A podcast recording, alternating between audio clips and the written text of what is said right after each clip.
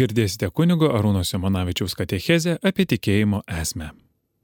Labas rytas, mėly Marijos radio klausytojai. Pradedam ryto meto katechezę. E, šiandien dienos katechezės tema yra tikėjimo esmė. Mes visi žinome, kad kiekvienas upelis turi savo pradžią, kiekvienas medis turi savo šaknis, iš kur viskas prasideda. Žinom, kad tikėjimas prasideda iš Dievo ir iš žmogaus. Bet iš tokio, kaip pasakyti, į vieną šaltinis pradžia, kitas šaltinis pabaiga, bet tai susiję. Ir dažnai galim išgirsti įvairiausių pasisakymų, kas yra tikėjimas, ar tiki Dievą ar netiki. Ir liūdniausia būna, kai girdi, kad kalba žmogus, kad aš kažką tai tikiu, kad kažkur kažkas yra, kad, nu, kokia tai jėga, kuri viską reguliuoja, gal ir yra. Tai būna liūdna, jeigu tai kalba katalikas. Jei ne katalikas, tai niekaip nebūna. Irgi norisi kalbėti apie tai, kad tikėjimas yra pirmiausiai kaip katekizme senovės skaitydavome. Tikėjimas tai yra pripažinimas tų dalykų tikrais, kurių mes savo pojūčiais apčiuopti negalime. Nei pamatyti, nei paliesti, nei, nei kokiu kitu būdu apsvarstyti, apčiuopiamai mes negalime išskyrus mūsų protą ir mūsų bendravimo įgūdžius. Neužtenka pasakyti, kad tikėjimas yra pripažinimas to, ko nematome, nes tai labai būtų abstraktu ir mums religingam žmogui tai neduoda jokios naudos tai absoliučiai praktiškai nu nieko nereiškintis dalykas nebent tik tiek, kad visi tikim, kad kažkur yra, tarkim, pavyzdžiui, Afrikos žemynas, kuriame mes daugelis nesame buvę, kad kažkur yra mėnulis. Mes tikime dėl to, kad kiti taip sako, kad yra, kad kažką matome panašaus danguje, bet kaip tas yra mes negalime žinoti. Mums tiek yra per mažai. Norisi kažko suprasti apie tai, kodėl tas tikėjimas yra mūsų gyvenime taip aktuolus, kodėl jisai nuneša žmogui tokį didelį pajūtimą, kad reikia kažką daryti daugiau, kad tas, tas tikėjimas neišnyktų. Tas dalykas, kad tikėjimas yra dar neužtenka, kad pripažįstame, bet kažką su juo reikia daryti. Visada labai smagu, mūsų seminarijoje kunigas profesorius e, Juraitis Jonas mokydavo, kaip atsakyti, ieškoti atsakymų vienu sakiniu į kaip nusakyti visą esmę. Ir buvome paklausti, kažkada studentai, kas yra tikėjimo esmė, kaip nusakyti vienu sakiniu arba, jeigu įmanoma, vienu arba dviem žodžiais, kas yra tikėjimo esmė. Juk reikia jum paaiškinti ir savo vaikams, ir duoti atsakymą savo anūkams ir, ir savo pačiam žmogui yra naudinga žinoti. Leiskite ištarti šitą šventą formulę. Tikėjimo esmė yra iš dviejų dalykų - asmuo, asmenys ir santykis tarp jų. Štai visas šitas dalykas nulėmė tai, kad mes negalime likti abejingi religiniai sričiai. Jeigu mes žinome, kad tikėjimas tai yra santykis su asmeniu, asmens su asmeniu, mes tada turime ieškoti, kas yra asmuo, kas yra santykiai, kaip jie reiškiasi, kaip jie, e, ką mes turime daryti ir kokia iš to nauda. Pirmiausiai žmogus, kad suvoktų tikėjimo esmę, kad pajaustų gal, ne tik kad suvoktų, bet kad pajaustų, jisai turi pradėti melstis. Malda, kaip žinome, yra bendravimas su Dievu, bet tai yra pirmiausiai ir santykis su Dievu. Šventasis raštas mums aiškiai duoda patirtį, kad malda turi būti nuoširdi. Negali žmogus, nu kaip gali, bet ar jam tai naudinga nežinau, patarti da žmogui prieš Dievą išlikti nuoširdžiam. Ir malda jam labai gerai šitų klausimų pasitarnauja, nes jisai kalbasi su Dievu su juo užmesga ryšį, bendrauja ir Dievas jam kalba taip pat. Šventasis Augustinas taip yra sakęs. Sako, mes Dievui kalbame per maldą, Dievas mums atsiliepia per šventą įraštą. Tikrai atrodo paprasta, bet geniali mintis, kuri mums yra labai naudinga, bet švento rašto skaitimo įgūdžiai irgi reikalingi. Tikėjimo santykis turi būti nuoširdus kokia prasme? Kad aš prieš Dievą esu atviras, kad aš nuo Dievo nesislėpsiu. Dievas mane gelbės, Dievas man patars, Dievas kalbės ne tik per šventą raštą, Dievas kalba ir per draugus, Dievas kalba ir per mokytojus, ir per kunigus, Dievas kalba ir per kitus žmonės, per įvairias situacijas, Dievas kalba net ir per priešus. Dievas taigi mane, tik tai iš manęs ko reikės, tai reikės atvirumo. Nežinau, kaip jūs pamanysite, bet kiek aš iš mokyklos geometrijos pamokų atsimenu, mokykloje mokytoja mums dažnai sakydavo, kad stabiliausia figūra geometrijoje yra trikampis. Jeigu tikrai yra trikampis, tai mums katalikams šitas vaizdinys geometrinės figūros yra pats idealiausias variantas. Pirmiausiai dėl to, kad Dievas yra vienas, viena figūra trijose asmenyse, vienas Dievas trijose asmenyse, po to dėl to, kad šiti taip pat trys yra trys santykiai žmogaus, pasireiškiantys tikėjimu. Tai santykis mano su Dievu, mano su kitais žmonėmis ir mano santykis su pačiu savimi. Visi šitie trys yra kaip sykis asmenys - aš, tu ir Dievas. Kuom skiriasi asmuo nuo nesmens. Mes žinome iš katekizmo, kad tik tai žmogus ir dvasios angelai arba velniai ir Dievas yra asmenys. Visa kita kūrinyje nėra asmenys. Ir labai gaila, kad žmonėms atrodo, kad šunės yra jų šeimos nariai, katinai yra jų šeimos nariai ir kad viskas, kas yra aplinkui, yra labai suosmeninta. Krikščionybėje apie tai kalba nevyksta. Krikščionybė aiškiai pasisako, kad asmenys yra tik tai trys grupės asmenų - dvasios, žmonės ir Dievas. Kadangi trikampis yra va štai šita figūra, tai atrodo reiktų sakyti, kad stabiliausias žmogaus gyvenimas yra tada, kai jo santykiai yra visur va štai lygia šauniai, vienodo ilgio, E, viskas tada žmogaus gyvenime atrodo subalansuota.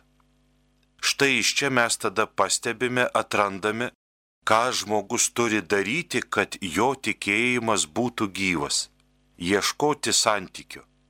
Tikėjime, atsiprašau už išsireiškimą, neišsigaskite, gal taip grubiai nuskambės, visa kita yra tik tai išraiškos ir pagalbiniai dalykai.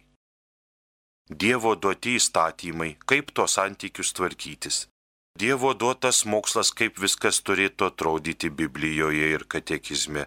Įvairiausi kiti mokslai tai yra tik tai tam, kad žmogui šitus santykius padėtų ugdyti ir juos tobulinti.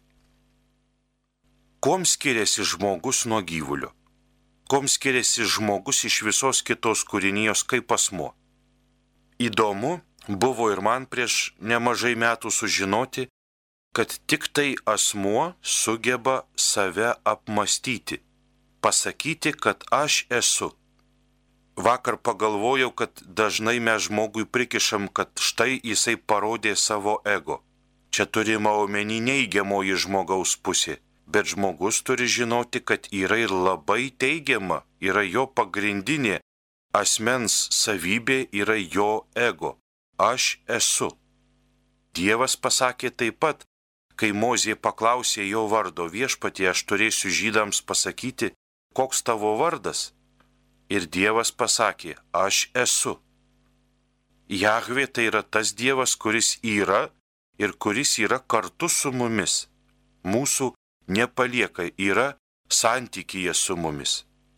Na, puikiausias šito dalyko galėtų būti įvaizdis toksai, pavyzdėlis tai mobilus telefonas arba interneto ryšys, be kurio dabartiniai žmonės neapseina. Taigi katalikas be santykio su Dievu, su kitu žmogumi ir su savim negalėtų, neturėtų net turėti suvokimo, kad įmanoma apseiti. Ir tada žmogus suvokia ir paimkite iš vaikų arba iš dirbančių žmonių, iš jaunimo, iš net ir iš senų žmonių, paimkim mobiliuosius telefonus dabar ir jie liks neryšio zonoje ir pamatysim, kad jie išgyvena labai labai nuskausmingai, nes jie negali nieko prisišaukti, negali su niekom bendrauti, kada nori negali bendrauti, kaip nori, negali to bendravimo įvairovės patirti. Taip lygiai panašiai turėtų būti ir tikėjimo sritis. Jeigu mes prarandame ryšį, prarandame santyki su Dievu, tada mes patiriame tai, kas yra nuodėmės pasiekmes. Asmuo yra tas, kuris suvokia save, kuris gali pasakyti, kad aš esu, kuris, kuris moka save suvokti, save suprasti. Visa gamta savyje to neturi. Jis panašiai kaip kompiuteris turi įrašytą programą ir ji tą programėlę daugiau mažiau labai labai tvarkingai ir preciziškai išpildo, nes jinai gamta yra duota dėl žmogaus.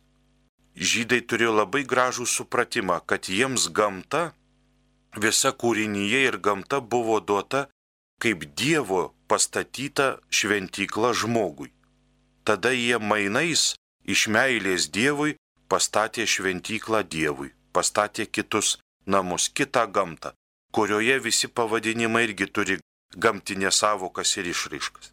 Bet aš turiu omeny štai kaip, kaip žmogus moka atsiliepti, moka į Dievo kvietimą, į Dievo santykį atsakyti savo išraišką.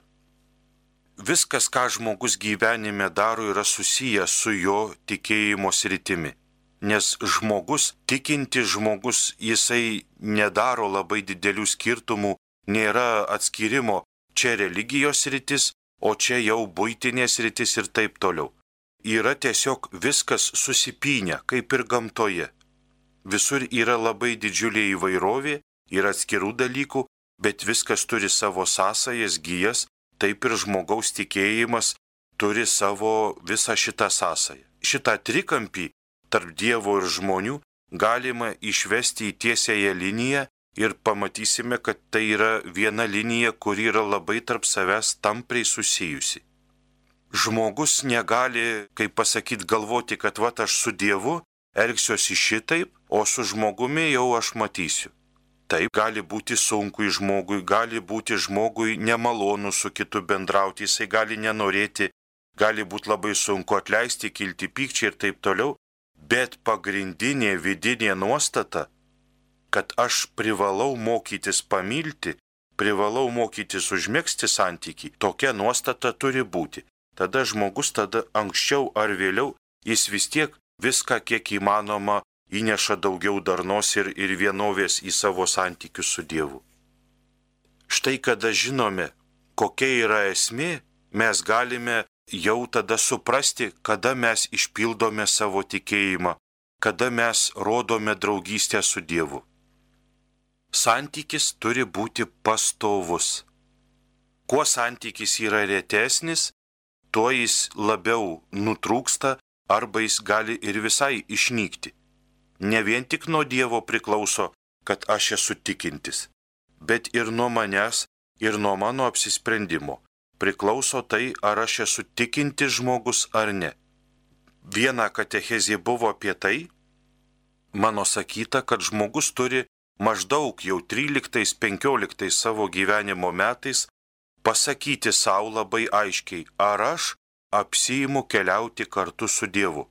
Tiesa, dabar paminėjau žodį keliauti ir iškart man prisiminė vienos vienuolės atvažiavusios iš Amerikos mums skaityti paskaitą, man atrodo, kad jinai Vilniuje ir dabar gyvena ta vienuolė, jinai pasakė man tada suskambėjusi žavingai apibrėžimą, etimologinį išaiškinimą lietuviško žodžio tikėjimas. Tai yra tikėjimas. Iš tiesų, tikėjimas yra veiksmažodis, o ne, ne nieko nereiškintis arba jokio neparodantis, jokio gyvybingumo žodis tikėjimas yra labai gyvas veiksmažodis. Tai yra per gyvenimą ėjimas kartu. Dievas yra kartu su mumis, Jahvi, aš esu, kuris esu su jumis kartu. ir žmogus yra kartu su mumis, norime, nenorime, mes žmonių sutinkam ir be jų net negalime gyventi. Ir aš. Ar aš esu kartu su kitais, ar kartu pats su savimi, ar ne. Ir štai visa šita trijada keliauja per gyvenimą. Lietuviai šitų klausimų tai yra šaunuoliai, kad tokį žodį sumastė, kad matyt tikrai lietuviai yra religingi žmonės, kurie suvokė, kad tikėjimas tai yra mano kelionė. Taip kaip ir žydai iškeliavo iš Egipto, iškeliavo į pažadėtąją žemę. Ir mes iškeliaujam iš motinos iščių, iš šios žemės pradmenų ir keliaujame per visą gyvenimą. Tikėjimas yra labai sudėtingas procesas ir labai, nu, kaip pasakyti, nelygus dalykas. Ir tikėjimas yra tai, kad yra ir nuopolių, yra ir vingių, yra ir sunkumų, yra ir palengvinto laikotarpio, kad tikėjimas turi ir tokių niuansų, kur labai sunku suprasti mums einantiems visiems kartu bet po trumpos muzikinės pauzės kalbėsime toliau.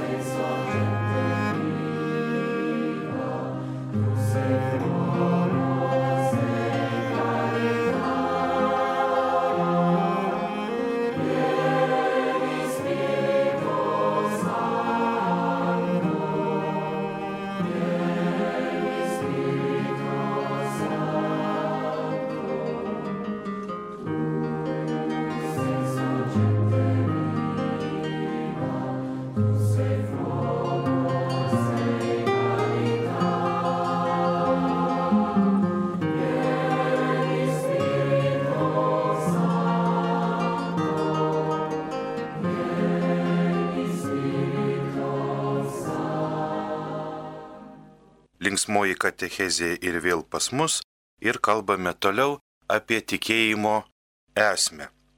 Perkalbėjom, kad asmuo, norisi taip trumpai sudėlioti, kad asmuo tai yra tas, kuris save supranta, kuris gali pasakyti, kad aš esu, kuris žino save, taip pat santykis tai yra sugebėjimas ir poreikis žinoma būti kartu, palaikyti ryšį, palaikyti bendrystę ir dalintis vienas su kitu. Santykis tai yra ir tai, kuo mes vieni kitus praturtiname. Svarbu mums, katalikams, turintiems Bibliją, žinoti, kad santykis prasideda nuo labai turbūt mums kasdieniško reikalo, kasdieniško tokio veiksmo. Prasideda nuo žodžio. Šventas raštas sako, Pradžioje buvo žodis, ta žodis buvo pas Dievą ir žodis buvo Dievas. Senų apieigų mišiuose šita evangelija yra skaitoma kiekvienų mišių pabaigoje. Todėl, kad mišios yra viso gyvenimo, viso santykio tobulumas, šaltinis ir pradžia ir už tai sako santykio pradžiai. Pradžioje buvo žodis. Iš tiesų, visi santykiai prasideda nuo žodžio žodis yra logos, tai kad per Kristų viskas buvo sukurta. Ir santykiai taip pat yra tarp asmenų, kuriami žodžiu. Dievas ištarė žodį ir visa atsirado. Pradžios knyga kalba, atsiprašau lituanistų, jeigu žodį pradžia kitaip kirčiuoju, reiks mokytis iš naujo turbūt, bet žodis yra tas, nuo kurio viskas prasideda atkreipkite dėmesį, ar ne kitaip yra ir santykiuose su žmogumi. Ar ne kitaip yra santykiuose ir žmogaus pačio su savimi. Ta žodis gal nėra ištartas, bet jis yra sumastytas galvoje. Jeigu žmogus žodžio nesumasto, jo negali ištarti ir neištaria, tai žmogus labai labai sumenksta, žmogaus kokybė labai suprastėja, žmogus išgyvena kančią žmogui tada reikia ir vidinio gydymo, ir išorinio gydymo, ir daktarų, ir kunigų, ir, ir viso pulko bendruomenės, kad jį atstatytų vėl į pakankamą santykį gyventi toliau. Bet esmė, kokia žmogus turi išmokti tarti žodį, jį išmastyti, išnešioti savo širdyje ir galvoje kaip iščiose vaiką ir ištarti ištarti kūrybingą žodį. Tada gimsta santykis.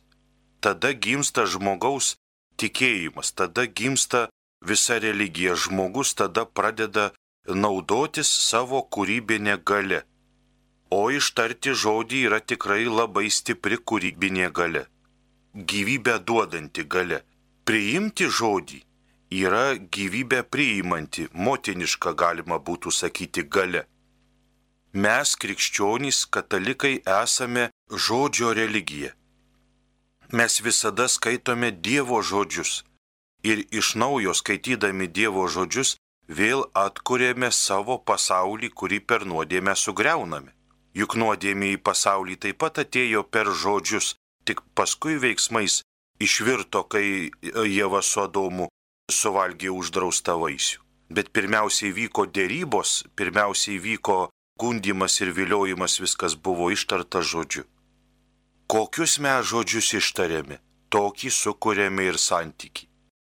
Labai galima paprastų įvairiausių būtinių dalykų atrasti mūsų gyvenime šitame, kaip galime paprastų žodžių sugriauti gyvenimą savo ir kitų ir kaip galime paprastų žodžių gyvenimą pastatyti prieikite prie liūdinčio stotelėje žmogaus, prie verkiančiojo ir padėkite ranką. Pasakykit, aš tave atjaučiu ir pamatysite, kaip žmogaus gyvenimas statomas iš naujo, kaip paprastas žodis gali pastatyti gyvenimą. O praktikos, kaip žodžiai gali sugriauti gyvenimą, tai yra labai labai daug. Leiskite, kad būtų linksmiau, truputį padaryti tokį nukrypimą, šventėme šventąjį blažiejų. Ir kunigas sukryžiuota žvakės deda ant kaklo ir laimina žmogų, prašo, kad dievulis saugotų nuo įvairiausių lygų gerklės ir, ir balso stygų, tai ypatingai jau visi gėdotojai ir chorvedžiai, visi choristai lekia, kad tik tai gautų dievulio palaiminimą, kad gerklė gerai veiktų, dirbtų, kad gražiai dainuotųsi ir gėdotųsi, kad būtų linksma. Bet žinot, kartais kokiam nors kai pridedi žvakę prie pikto liežuvio, tai norisi taip sukryžiuotą žvakės suspaust, kad tas liežuvis iškristų ir blažėjaus užtarimu būtų nuo piktų žodžių ir piktų burnų išgelbėta ištisi kaimai, ištisos parapijos, kad vienas susirgtų tokia lyga nebylumo, kad kiti būtų išgelbėti ir negirdėtų tai, kas gyvenimą sugriauna.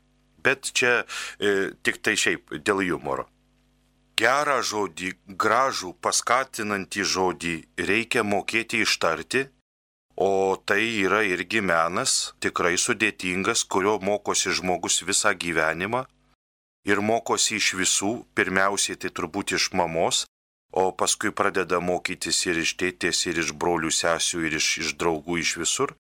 Bet reikia mokėti žodį ir išklausyti. Žodis teisingas su meilė ištartas jis niekada žmogaus gyvenimo negriaus. Bet ir su meilė reikia mokėti išklausyti, kartais skaudžius žodžius.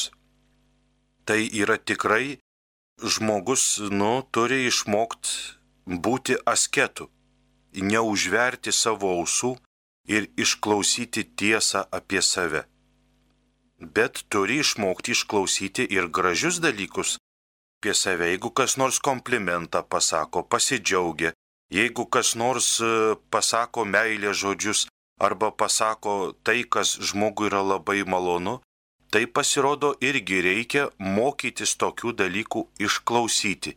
Ir dėl to nesimaivyti, nepykti arba ten nevaizduoti labai kuklaus ir, ir švento, kaip pasakyti, nuolankaus žmogaus, bet pasidžiaugti ir Dievui padėkoti, kad Dieve ačiū, kad tu man siuntei žmogų, kuris ištarė man, nu, tam tikrą prasme gerąją naujieną, nes pozityvus žodis jisai kūrė.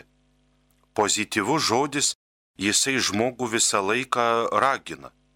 O žiūrėkit, kartais būna pikti žodžiai, jie ne tik, kad nieko nepataiso, bet pikti žodžiai kartais būna žmogus dar labiau užsispyrė ir ir pradeda kito neklausyti, kito negerbti, įveda konfliktą, nu visko būna. Bet e, suprantat, esmė yra ta, kad mes turim įsisamoninti, kad ne tik rankomis kuriame santyki. Darbai tai jau yra vėlesnė tikėjimo kaip santykio, vėlesnė raiška. Bet pats pirminis dalykas tai yra mintis ir žodis. Ir žodis tai yra mintis įgavusi tam tikrą pavydalą. Jis mums kaip katalikams turi būti labai labai svarbus, nes kai Dievas ištari savo žodį, atsirado Marijos iščiose kūdikis Dievo sūnus. Kai mes ištarėme žodį, mes būdami Dievo tėvo vaikai, būdami Jėzaus Kristaus mokiniai, mes irgi kitame žmoguje pagimdome tam tikrus dalykus. Ir tai turime nuolat, nuolat galvoti. Siūlyčiau turbūt santykyje, tikėjime visą laiką bendraujant, nepamiršti ne tik apie ką kalbu, bet ir padėkoti Dievui už tai, apie ką patyliu. Duoti, prašyti tiksliau, Dievą malonės, kad Dieve duok man, įdėk į mano galvą tokią signalizaciją, kuri nuolatos ir labai garsiai duotų signalą, kad jau reikia patylėti, jau reikia geriau pralaimėti, bet nepasakyti to, dėl ko paskui pats žmogus labai gailisi ir, ir paskui dar visa giminė kelios kartos po to dar labai ilgai gailisi. Tokie va štai dalykai, iš kur jų galima mokytis, kaip žodį ištarti, kada jį ištarti, labai gerai galime išmokti skaitydami šventą įraštą, ypatingai patarlių knygas ir siracido knygą. Vadinamąją išminties literatūrą. Išminties literatūroje yra sukaupta žmonių nu nežinau ar keleto tūkstančių metų, bet tikrai amžių, keliasdešimties amžių patirtis. Neskaitant žydų kultūros, tai jau ir arabai, ir arabų gentys, ir kitos, ir kitos civilizacijos, kur buvo nu, nuėję, kur keliavo žydai, ir graikų kultūros, ir dar kitų, ir šumerų turbūt, ir babiloniečių kultūros patirtys buvo sukauptos. Ir tenai žmonės tikrai gyveno taip pat ieškodami išminties, ieškodami Dievo pažinimo, jie gyveno norėdami suprasti gyvenimą ir padaryti jį lengvesniu, jau neskaitant tai, kad Biblija yra Dievo įkvėpta žodis. Tai dar yra ir begalinė žmonių minios ir patirties ir iš tiesų aukštųjų to metų mokyklų sukaupta patirtis. Tenai labai daug galima išmokti ištarti gražių žodžių galime išmokti ištarti tokių žodžių, kurie žmogų godžia, kurie nemokančiam patarė, kurie paaiškina labai daug mūsų kultūros ir labai daug mūsų elgsenos nuostatų ir dalykų, kur galime labai suprasti, kad tikrai viskas, ką mes darome, kaip ir apieigose, yra subtilu, jautru ir išmokti mus elgtis, na, truputį taip e, švelniau ir, ir jautriau į viską žiūrėti ir suprasti, kad žodis turi tikrai didžiulę galę. Biblija sako, Dievo žodis yra kaip kalavijas, kuris nukerta nuo sveiko tai, kas yra nesveika ir miršta. Iš tiesų, žodis kapoja. Bet jisai kapoja Dievo žodis tam, kad žmogui suteiktų sveikatą, o ne tam, kad numarintų. Mums, jau žmonėms, kadangi padarėme gimtają nuodėmę, mes nešiojamės nuodėmės, e, kaip pasakyti, atspalvį savyje, savo prigimtyje, mums yra pagunda visą laiką su tuo kalaviju, su savo žodžiu, tikrai pakapoti vienas kitą. Kartą man skundžiasi, sako, mane labai vyras muša. Tiek aš gaunu, sako, per kaltūnus, kad negaliu jau ramiai gyventi. Suprantu, niekas čia nesako, kad gerai, Bet, sakau, reikia pergalvoti ir tai, sakau, gal vyras tamsta muša rankom todėl, kad tu įmuši liežuviu ir gal jis nemoka kitaip apsiginti, o kaip tik tai apsiginti savo turimais ginklais. Tikrai žodis turi didelę galę. Bet mes noriu grįžti, kadangi jau katechezės pabaiga, apie religinį santykį - malda. Dievui sakyti tai, ką mastau kaip jaučiuosi, kaip man atrodo. Su Dievu nereikia išgalvoti ypatingai kažkokių, neturi būti kažkoks ypatingai kitoks pokalbis, bendravimas. Tai, kas yra mano širdį, tai kaip aš jaučiuosi.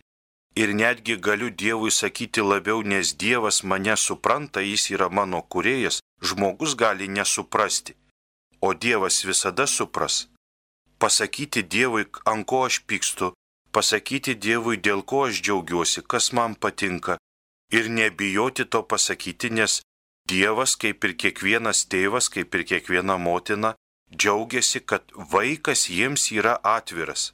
Juk ir mes džiaugiamės, kai mums kas nors atsiveria. Atsivėrimas jisai parodo ir silpnumo. Jeigu aš atsiveriu, vadinasi, aš esu silpnas aš įsileidžiu save į save kažką. Bet šventas apaštalas Paulius sako, mūsų stiprybė glūdi sugebėjime pripažinti savo silpnumą. Taigi va štai šitie dalykai ir žinojimas, kur yra esmė, padeda mums išlaikyti draugystę su Dievu, padeda išlaikyti mums šeimininius ryšius tarp žmonių, tarp Dievo ir malda Dievo žodžio skaitimas ir dieviškų žodžių ištarimas bei išklausimas. Dieviški tai nebūtinai saldų žodžiai, dieviški gali būti ir teisingi žodžiai. Sugebėjimas įvaldyti šitas savybės žmogų daro tikinti, veda jį link Dievo, suprantant, kad Dievas yra ne kažkas, o asmuo, kuris manęs laukia ir nori su manimi santykio abipusio veda į štai šitą malonų gyvenimo patyrimą ir džiaugsmą. Ištarkime vieni kitiems šiandien ir išklausykime daug šventų gražių žodžių. Girdėjote kunigo Arūno Simonavičiaus katechezę apie tikėjimo esmę.